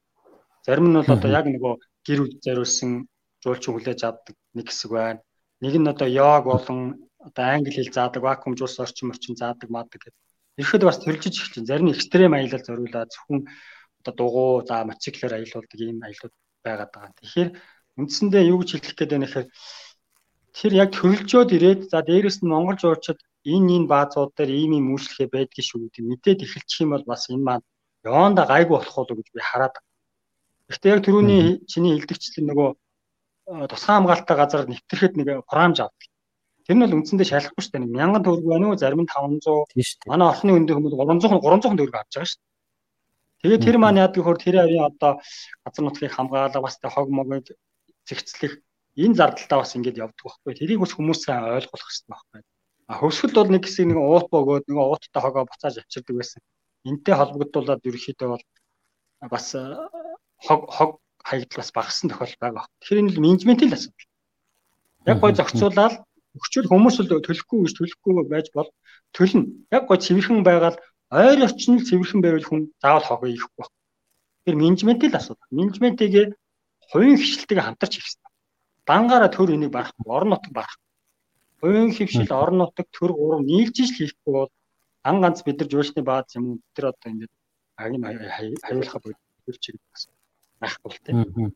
Тэгэхээр бол одоо бас нэг гоё жишээ орж ирсэн байна. Аялал жуулчлалын үйлрэл уртас байгаатай холбоотойгоор өвлийн үйлрэлд тухайн бүс нутагт байгаа баазууд ээлжээр ажилламаар санагддаг. Жишээ нь говьд бааз ажиллаж байвал жуулчд үйл тасралтгүй ирдэг болоод байгаа шүү гэдэг чинь. Тэгэхээр Энэ бас нэг тийм шүү нөгөө түрүүний сайлаа бэлтгэхээс аваа бэлтгэж тухайн газар нэг газрууд ингээд тогтмол ажиллаж байгааг хүмүүс мэдгдсэн за тэнцээ очиод би байрлах газартаа гэд бодно те тэр дадал зуршлууд сууж байгаа гэж бодож байна. За бас нэг асуулт орж ирсэн байна. Хоёул ингэ ингэж байна. Өнөөдрийн сэдв жуулчны баазыг хөгжлөсөн сэдвтэй байгаа. Тэгээд сэдвтэй фокуслол яасан юм бэ гэдэг чинь бас тийм шивтэй илүү томруулаад явчихсан тий. За жуулчны баазуудын болохгүй талуудыг ярьлаа. Тэгвэл жуулчны баазуудын сайн талуудыг та нэрлээд өгөөч ээ гэсэн бас комент орж ирсэн байна. А жуулчны баазуудын сайн талуудаар би түрүүнд өртсөн шүү дээ. Ерөнхийдөө нөгөө зарим жуулчны баазууд маань яг нөгөө сегменттэй зориулаад зах зээлдээ зориулаад бүтээгдэхүүн гаргаж байгаа. Жишээлбэл энэ жил зарим хөвсгөлийн баазууд бол йогийн юутай газартай хамтраад Улаанбаатар клубүүдтэй хамтраад йогоор хичээлдэг, оройн йогоор хичээлдэг. А зарим газрууд нь одон орон хардаг, одон орон хардаг дурамтай газрууд байна. За гэр бүлийн амралтууд байна. Хүүхдүүдийн хардаг, хүүхдүүдийн тусдаа юм хардаг хүнтэй те хүмүүс нь бусдад эцэг эхчүүд нь өөр үйл ажиллагаа хийж хүүхдүүдийг хардаг ч юм уу. За дээрэс нь англи хэлний юм тусдаа юм хөтөлбөр хэрэгжүүлдэг газрууд байна. За тэг экстрем аялууд хийдэг газрууд байна. Энэ маань үндсэндээ бас жуушны баазууд нэг нэг бодлын одоо бүгдээрээ адилхан нэг үйлчлэгийг хийх биш. Дотроо хөрөлжөөд явж байгаа нь бас нэг үйлчлэлийн бас твшилттэй тал гэж бодож байгаа. За хоёрдугаарт гэвэл энэ ресортууд маш том том хэмжээгээр байгуулагдаж байгаа. Одоо энэ тэрэлжиж байна, за хөсгөлд байна. Энэ ресортууд маань бас үнэхээр одоо яг Улаанбаатар зарим байхгүй үйлчлэгтэй тийм жуушны бааз байна шүү. Дотроо бассейнтай, саунтай. За тэгээд одоо бүхэл төрлийн үйлчлэг, интернет одоо үйлчлэг бүх юмнууд нь байгаа. Тийм тийм жуушны баазууд бол үнэхээр байна. Тэгээд одоо өвөл бас нэг ажилуулах бас нэг тал нь одоо сүүлийн үед Аа одоо энэ техник технологи хөгжтойгөө холбогдуулан тоогоор их халдаг тийм технологиуд маш их нэвтэрч байна. А энэ маань нөгөө гэрүүдийг өвөл одоо ажиллах боломжтой тий. Яг зочин ирэхээс нэг 3 4 цагийн өмнө тогондоо залгаад гэрээсээ халаачдаг. Их юм бол нөгөө заавал галт хүлээдэл нөгөө бас аюулгүй байдлаа бодоол тий галт хүлээдэл янз янз болоод шиншийн хурус гаргаад ахааргүй тогоор бас ингээд нөгөө халаалт систем гарч. Нарны энерги гэсэн ажилтдаг маш олон тийм бүтээгдэхүүн гарцсан. Эднийг маань ингээд юусны баазыг хэрэгжүүлээд явбал бас үйлцэнгүүж уулзт ирэх боломж бас байгаад байгаа маа бас харагдаж байгаа. Говийн тухайд бол үндсэндээ нөгөө эрт дулаардаг учраас 4 сар болон за хамгийн оройд 10 11 сар хүртэл ажиллах боломжууд бас байна. А хөвсгөл болон одоо аранга нуур хавийн бааз их эрт хүдэрдэг учраас бас өндөрлөд бас байгаад байгаа юм. Тэгэхээр цаг агаарынхаа нөхцөл байдал тохируулаад а үлийн аялал жуулчлалыг хөгжүүлэх хэрэгтэй. Би энийг бол үндсэндээ бас хэрэгжүүлээд хөгжүүлээд явахд бол боломжтой гэж харж байгаа. А 3 дугаар хөгжил ярьсантай холбогдуулаад жуулчны баазуудад өнөөдөр стандартын шаардлагад хангасан бүтээгдэхүүнүүдээр үйлчлэх за мэрэгжлийн тогооч одоо рестораны стандартууд бол Улаанбаатар зарим нь байхгүй байхгүй хэмжээний том ресторантай үйлчлэгээтэй газрууд зөндөө байна шүү дээ. Энэ маань эргээд бусад нөгөө энэ салбарыг маань маш их тодтогч өгөөд бусад жуулчны баазуудаас үлгэр жишээ аваад энэ бааз шиг том ресторантай энэ шиг тийм сайхан үйлчлэгээтэй болох юмсан гэдэг сэтгэлийг бас төрүүлж төрүүлж байгаа тохиолдол зөндөө бий бий. Энтэй бол би санал нийлж байна.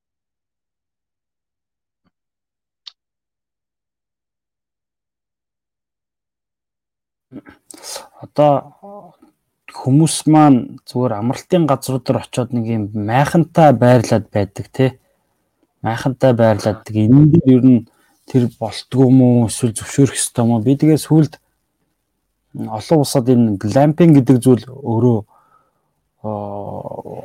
ялангуяа яг Монгол шиг нөхцөлтэй байхгүй хотоос зайдуу байгальд амрах гэж байгаа хүмүүс илүү майхантай юм уу тийм Монгол гэр шиг тийм мэдрэмж төрөхөөр тийм зүйлийг хүсээд ах шиг. Тэгээ би одоо жишээ нь энэ нэг зарим нэг жишээнүүд үзүүлээ. Энэ ингээ харахаар яг ингээд майхан а дотор нь ингээд буудал шиг ингээд орноо засцсан. А тэгээ майхан ч мэдээж нэг газар явж чадсахаар юм жоохон дэгэн догон тий. Тэгэхээр энэ зориултын юм суур тавьчихсан. Тэгээ зарим би орнууд дээр энэ майхан барих суурийн түрээслээд байгаа ч газрууд хардээ. Тэгээ энийгээ дагсан олноор нь ингээд суурийн тавьсан, дагсан үйлчлэгээтэй эднэр. Тэгэхээр иймэрхүү байдлаар ер нь хөгжүүлэх боломж байдсан болоо. Нөгөө талдаа одоо энэ жуулчныг байршуулж байгаа тэр дундаа яг Монголын онцлог болсон энэ байгальд байршуулж байгаа одоо чиг хандлагууд дээр сонирхолтой зүйл байна. Саяны глампинг гэдэг шиг те өөр ямар чиг хандлага сонирхолтой зүйлүүд байна яг уу сая энэ жилийн хувьд бол нөгөө яамнаас нөгөө отголох газрууд гэж зааж өгсөн л дээ одоо яг хүмүүсийн одоо яг мах шарахад зориулагдсан тусгай газрын бэлдээ за майхантай хүмүүс ойлын бэлдээд ингээд өгж байгаа сайшаалтай юмуд харагдаж байгаа. Гэтэ энийг хамгийн гол нь зөв эзэнтэй л болох юм шиг. Аа бааз майхантай байршуулах тийм үйлчлэг нь бий болгож болно. Жишээлбэл манай жуулчны баазын гашаанд ид одоо майхан байраад ч юм ингээд хоногдох боломж бий. Гэхдээ манайхны нөгөө л эргээд нөгөө боловсролтой асуудал байна Шинжэнгөө гал төл төлчилж ял тэр авийнх нь ингээд хайж тогоо ачи явчихдаг. А тэгэхээр энийг маань эргээд л нөгөө эзэнтэй л болох хэрэгтэй. А янз янзын шийдлүүд бол байна л да. Одоо жишээлхэд одоо энэ жил Discovery Mongolia байсан байхад Discovery Mongolia-ийнхан болохоор гэдэг нь а майхан тим маягаар юм камп маягаар аваа явчихдаг тийм одоо кампинг маягийн тийм юу авиадэрс оруулаад ирсэн. Тэгээд энэ жил эхлэх маягаар. Тэндээ шууд том майхна барайл ресторана хийгээл А хажууд нь гэрүүдээ шууд майхан дээр байл майхан дотор айгуу гоо ингээд ором орно шууд дотор нэг тэр байгаа газар дээр шууд засаад ингээ явдаг бас нэг мөчлөх юм бай. гарч ирж байгаа юм байна. Энэ бол бас бас их боломж юм байгаа байхгүй. Хүмүүс одоо заавал одоо одоо хорим найр төрсөн өдөр янз янзын арга хэмжээнд тэгж хийж бол бас хийдэг болцсон байл. Энэ маань бас эргээд бас нөгөө аль жишээ хөгжил маань бас өөр өөр сегмент рүү те өөр хэлбэр рүү шилжиж байгаа юм бас илэрл болов гэж ойлгоод Ерөнхийдөө бол яг манайхан майхантай их байрладаг л да. Яг зарим хүмүүс нь бол хог могоо хаяггүйгээр за нөгөө гал мал төлчээд эргээд нөгөө мод одоо айтаахан иш тийш нь болгоод эсвэл гал малаа сайхан унтраагаад явж тохиол би. Гэтэл бас л нэг жоохон бас л одоо тэр авийн тэгэл дараа нь бол бид нар ер нь жуулчны баазууд тэр авийн хогнуудын цэглэлтэй шүү дээ. Явсны дараа нь тэгэл энэ жил бол орхны хүндий бол бас аим шиг юм байсан. Тэгэхээр амар байсан. Зам ам гарах, марах, машинаараа давхих Тэгээд голын гол дагаад манайх ч яг нэг голын хажууд болохоор орхон голыг дагаад ингээд найхантай бүрчиж байгаа. Тэгээд нөгөөтг чинь зарим нь хогоо аваад явж байгаа. За ер нь их гин хогоо тэгэл тэр чигээр хачиж явчих. Тэгээд бид нар чи очиод нөгөө хогийн түүж байгаа бүх юмнуудыг цэвэрлж байгаа тий. Ер нь нэг ойр орчноо бас одоо ер нь яхаа жуусны баазууд чинь ойр орчныхоо нэг хог мог цэвэрлэх гэдэг тусгай хамгаалтаа гэрээ хийдэг шүү дээ. Бид 1 км дотор хогоо цэвэрлэх, ойр орчноо цэвэрлэх, аюулгүй байдлыг хангах гэдэг бас л ялгаагүй нөгөө хүчин тойрноо хамгаалах гэдэг юм бас явж идэх байхгүй. Тэр чиглэлээрээ бас явж байгаа. А тэгээд сүүлийн үед тэр тоонт гэдэг нэг гарч ирээд байгаа бах тий. Гэр маягийн тоонтууд дотроо юм шилэнж тохиол байрн зарим нь болохоор шууд ингэ байрчдаг. Энэ үед бас нэлээд ороод ирсэн хүмүүс бас хэрэглээ явж илээ тий. Тэгээд хамгийн гол нь эргээд нөгөө байгальд сөрөг биш л аялахыг л хамгийн гол нь чухалчлаа юм л да. Тэгээ нэг нь нөгөө гал төлчээд галаа унтрахгүй явснаас болоод ч юм эсвэл тэр яд хог навш хийснээс болоод нөгөөх маань эргээд сөрөг юм болчихоё л гэдэг юм байна. Тэгэхээр эзэнтэй л болох. Эзэнтэй байж л манай юмуд эзэнтэй хөгжих болов гэж би ойлгоод байгаа. Ер нь бол. Аа. Тэр бид нар дээр сая 2002 онд бас зарим аймагуд аялал жуулчлалын хөгжлийн төвүүд мэрэгчлэнүүд нь хандаад энэ технологийн шийдлийг бас аялал жуулчлалаа хөгжүүлэхэд оролцъё гэх. Тэгээ яг яриа явж байгаа бас энэ зүйлүүд рүү ороод байсан. Юу гэхээр энэ нэгдсэн зохион байгуулалтанд орох те жишээ нь төрөний хэлдгээр хүмүүс үнэхээр майхантай яриад байгаа юм бол майхны суруудыг нь олноор нь бэлдэж тавиад холбогдох үйлчлэл үзүүлэх. Тэр нь мэдээж энэ жуулчны баазтай юм уу түшгэлсэн байвал илүү ресторан ойл гээд бусад асуудлууд нь зэрэгцээ шийдэгдээд явчихна гэдэг юм.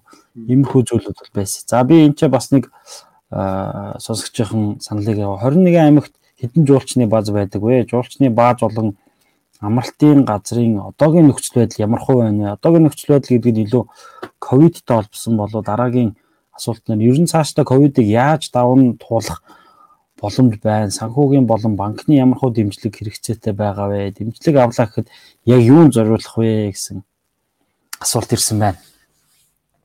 За, жуулчны баазуудын би яг манай зорилго бол яг нөгөө жуулчны бааз гэдэг статустай хүмүүсийг энд хамруулах гэдэг юм л да.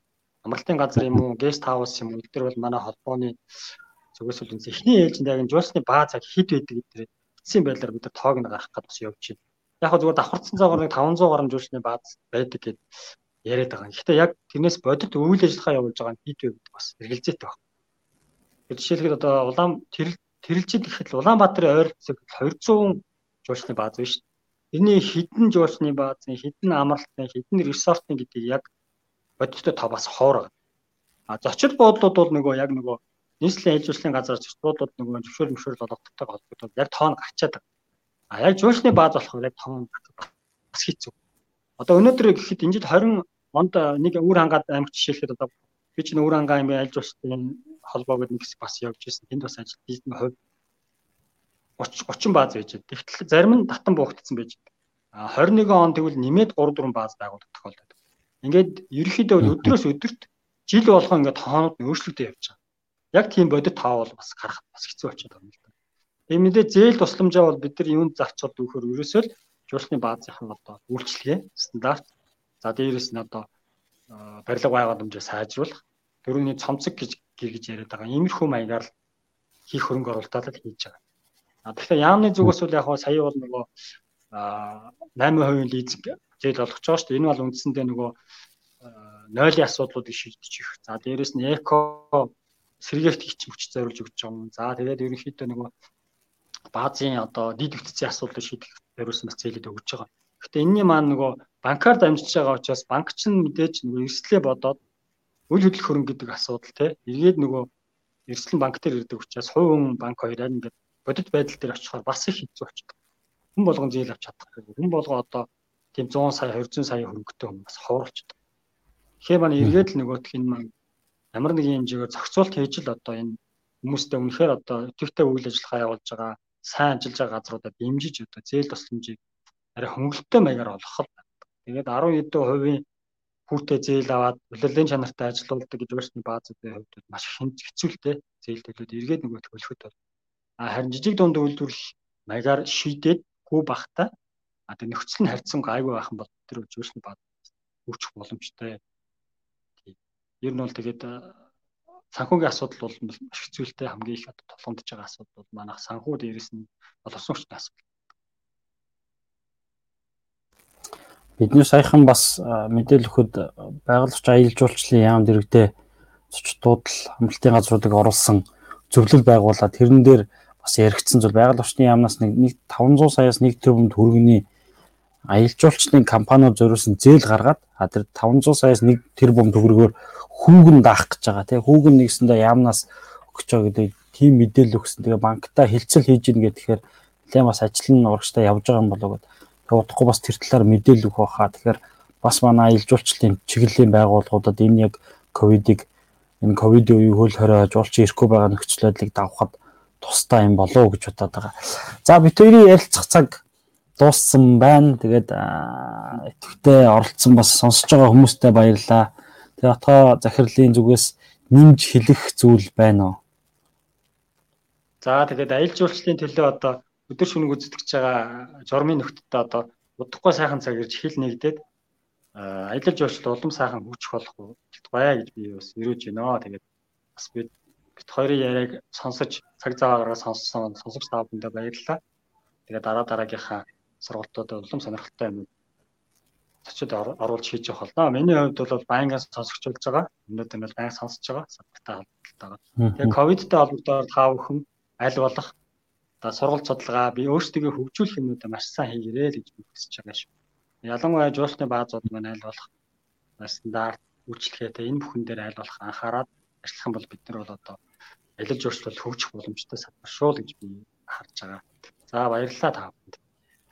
Баярлалаа утга захиралтай цаг гаргаж оролцсонд бид нэр 1 сарын 6-ны өдөр энэ хөл хорой тавигдах хэсгээс хамаарат өмнө 5 дугаарыг нийлүүлээд нэг багцлаад явж ирсэн. 6 дахиад 5 дугаар явуулаад өдөр болгон нэг дугаар явуулъя гэж бодоод байгаа. Тэгээд энэ групп дээр дамжуулаад хөргчих юм байна. Яг л энэ зочлол үйлчлэгээний салбарын тухай мэдлэг мэдээллийг хүмүүст хүргэе гэдэг. Би тэгээд түрүүний бит хоёрын яс нөгөө бизнесийн модель талаасаа тий хүнд ямар үн цэн өгж байгаа бид нэг газар олуулаа байвал яаж ялгарх юм гэдэг сэдвээ жоохон хоошоо тавиад байсан магадгүй илүү эрт оруулаад илүү боломжуудыг ярих хэрэгтэй байна. Бас манай сонсогчд маань нэмэгдээд н одоо ингээд энэ дугаар маань 20-с 30 гаруй хүмүүс ингээд тухайн үед нь сонсоод байгаа ч гэсэндээ урт хугацаанд өөрийнх нь цаг зав боломжоор энэ видеог үзэж байгаа хүмүүс бас маш олон байдаг. Тэгэхээр тухайн хүмүүс маань зөвхөн битээр ярилцах ш. Одоо энэ комментээр гоё ингээд хоорондоо ярилцаад би энэсээ мэдээлэл аваад байгаа зүйлүүд байна л да. Би боломжоор уншаад зарим нь бас уншиж амжсангүй дараагийн дугаар чи ингээд оролцох хүсэлтэй байна гэж юм. Тэгэхээр та бүхэн маань бас хоорондоо ингээд мэдлэг мэдээ солилцоод байгаас